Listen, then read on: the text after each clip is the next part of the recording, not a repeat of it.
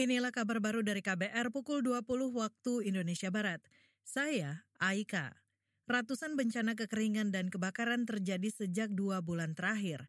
Saat ini Badan Nasional Penanggulangan Bencana BNPB tengah memprioritaskan penanganan kebakaran hutan dan lahan di enam provinsi.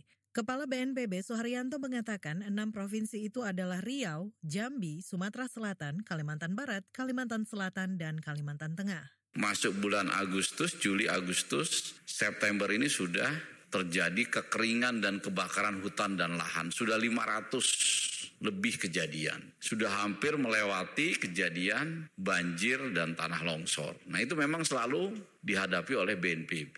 Mudah-mudahan kekeringan longsor ini, kurangi kekeringan, kebakaran hutan dan lahan ini tidak terus berlanjut. Kepala BNPB Suharyanto menambahkan sejak Januari terjadi lebih dari 3.000 bencana di Indonesia. Di semester pertama tahun ini, kejadian bencana didominasi banjir, longsor, dan cuaca ekstrim. Kita beralih, Kementerian Pariwisata dan Ekonomi Kreatif mengusulkan agar aset budaya bisa ditetapkan menjadi objek vital nasional.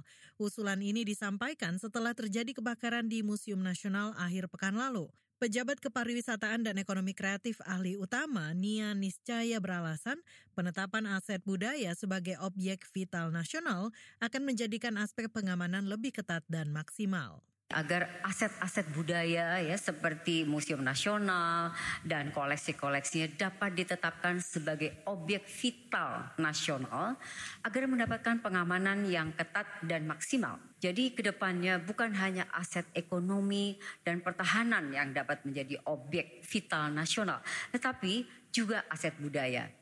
Pejabat Kepariwisataan dan Ekonomi Kreatif ahli utama Nia Niscaya menambahkan, kini Museum Nasional memindahkan artefak bersejarah ke tempat lebih aman setelah kebakaran. Selain itu, penyelidikan penyebab kebakaran juga dilakukan bersama kepolisian.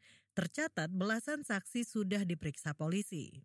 Ke satu informasi lain, Saudara, Kementerian Dalam Negeri mengimbau seluruh jajaran kepolisian dari pusat hingga daerah memantau gudang-gudang beras secara terus-menerus.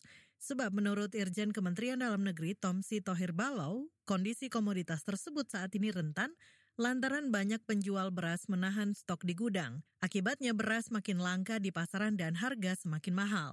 Makin kita ke bulan mendekati Desember, makin kritis cadangannya satu-satunya yang diharapkan adalah selain daripada beras bulog, beras impor, adalah beras yang di stok oleh teman-teman swasta. Kalau dia guyur, maka harga ini ngerem untuk kenaikan. Tapi kalau dia mengurangi penjualannya, maka terus akan meroket. Sampai Desember kita tidak akan bisa bendung. Irjen Kemendagri Tomsi Tohir Balau mengingatkan bahwa penimbun beras bisa ditetapkan melanggar Undang-Undang Darurat tentang Tindak Pidana Ekonomi.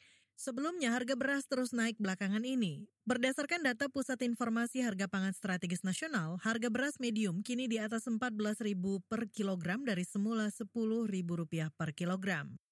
Inilah kabar baru dari KBR pukul 20 waktu Indonesia Barat. Saya Aika.